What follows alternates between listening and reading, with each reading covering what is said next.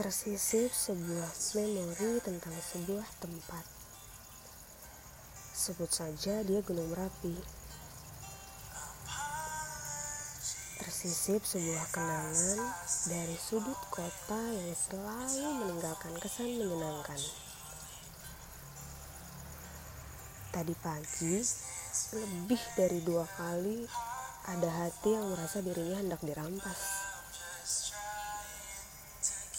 Bukan seperti dirangkuh lalu diberi ruang bernafas, bukan.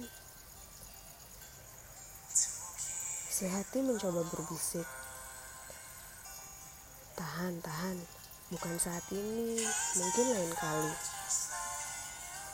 Si logika menyambut. Lakukan jika itu melegakan. Mereka terdiam lalu larut dalam sebuah percakapan. Ternyata benar, memori selalu meninggalkan kesan bagi tuannya sendiri.